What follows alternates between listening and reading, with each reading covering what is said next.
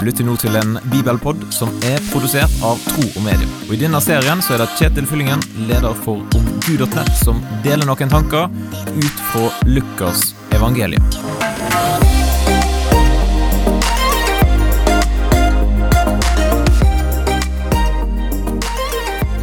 Det å bestemme seg for hva navn du skal gi til barnet ditt, da kan være en utfordring for mange foreldre. Det skal liksom passe til barnet, ja, kanskje ha en fin betydning, eller føre en familietradisjon videre. Og Mange vordende foreldre har sikkert googla ulike navn eller bladd litt småfebrilsk i ei navnebok for å finne det perfekte navnet til barnet som er på vei. Alt dette slapp Josef og Maria å tenke på.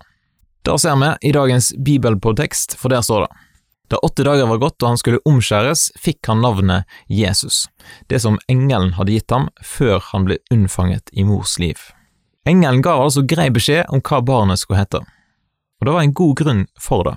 Jesus kom ifra den greske oversettelsen av det hebraiske ordet Jeshua, som betyr Herren frelser, og det var ikke et uvanlig navn på den tida. Men i Matteus ser vi at engelen gir en begrunnelse for hvorfor Jesus skulle ha akkurat da navnet. I Matteus kapittel 1 og vers 21 så står det Hun skal føde en sønn, og du skal gi ham navnet Jesus, for han skal frelse sitt folk fra deres synder. Både navnet og oppdraget var klart før Jesus ble unnfanga. Og Andre plasser i Bibelen så ser vi at dette var en frelsesplan som Gud hadde på plass før universet ble skapt. Hva tenkte Maria og Josef når de så ned på den lille gutten, åtte dager gammel, med et navn og et oppdrag som var ganske spesielt og ganske stort? Og hva tenker du når du hører navnet Jesus, Herren frelser?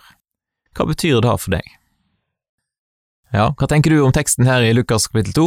Du er velkommen til å dele dine tanker med meg, du kan ta kontakt på en e-post til kjetil.tromedier.no, og så setter jeg også stor pris på om du deler bibelpodden med noen som du kjenner. Da ønsker jeg deg en fin dag, og så poddes vi plutselig igjen.